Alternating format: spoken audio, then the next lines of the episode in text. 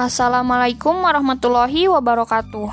Halo teman-teman, di podcast kedua ini saya akan membahas sebuah cerita, sebuah isu sampah yang berjudul diet plastik. Kali ini saya tidak sendiri dan ditemani seorang dede gemes siswa kelas 2 sekolah dasar. Nah, sebelumnya apa sih plastik itu?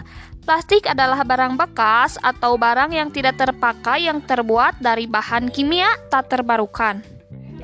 Sebagian besar plastik yang digunakan sehari-hari biasanya dipakai untuk pengemasan barang atau apa pun itu.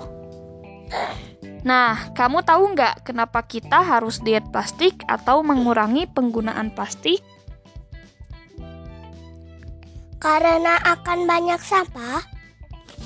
Nah, betul. Selain itu, plastik juga bisa membahayakan bagi manusia, hewan, maupun tumbuhan. Contohnya apa?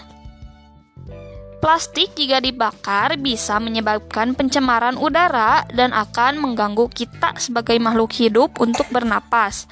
Nah, selain itu, plastik juga digunakan sebagai wadah makanan atau wadah jajanan yang akan mengganggu kesehatan manusia karena racun pada plastik bisa berpindah ke makanan.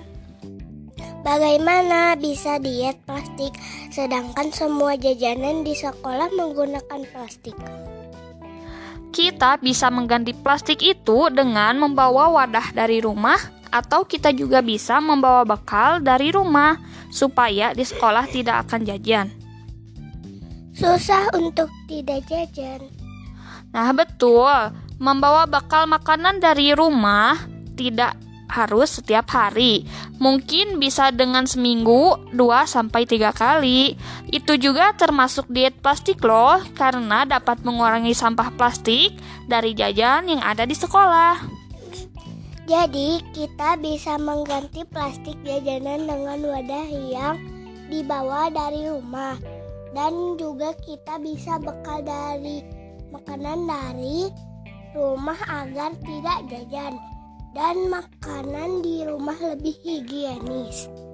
Nah, iya betul dengan itu kita bisa diet plastik. Dengan kita diet sampah juga kita mengurangi pencemaran lingkungan, khususnya pencemaran udara bagi sampah plastik yang dibakar. Betul sekali, kita pun akan sehat menghirup udara segar. Tidak hanya kita sebagai manusia, tetapi udara sehat untuk hewan, tumbuhan.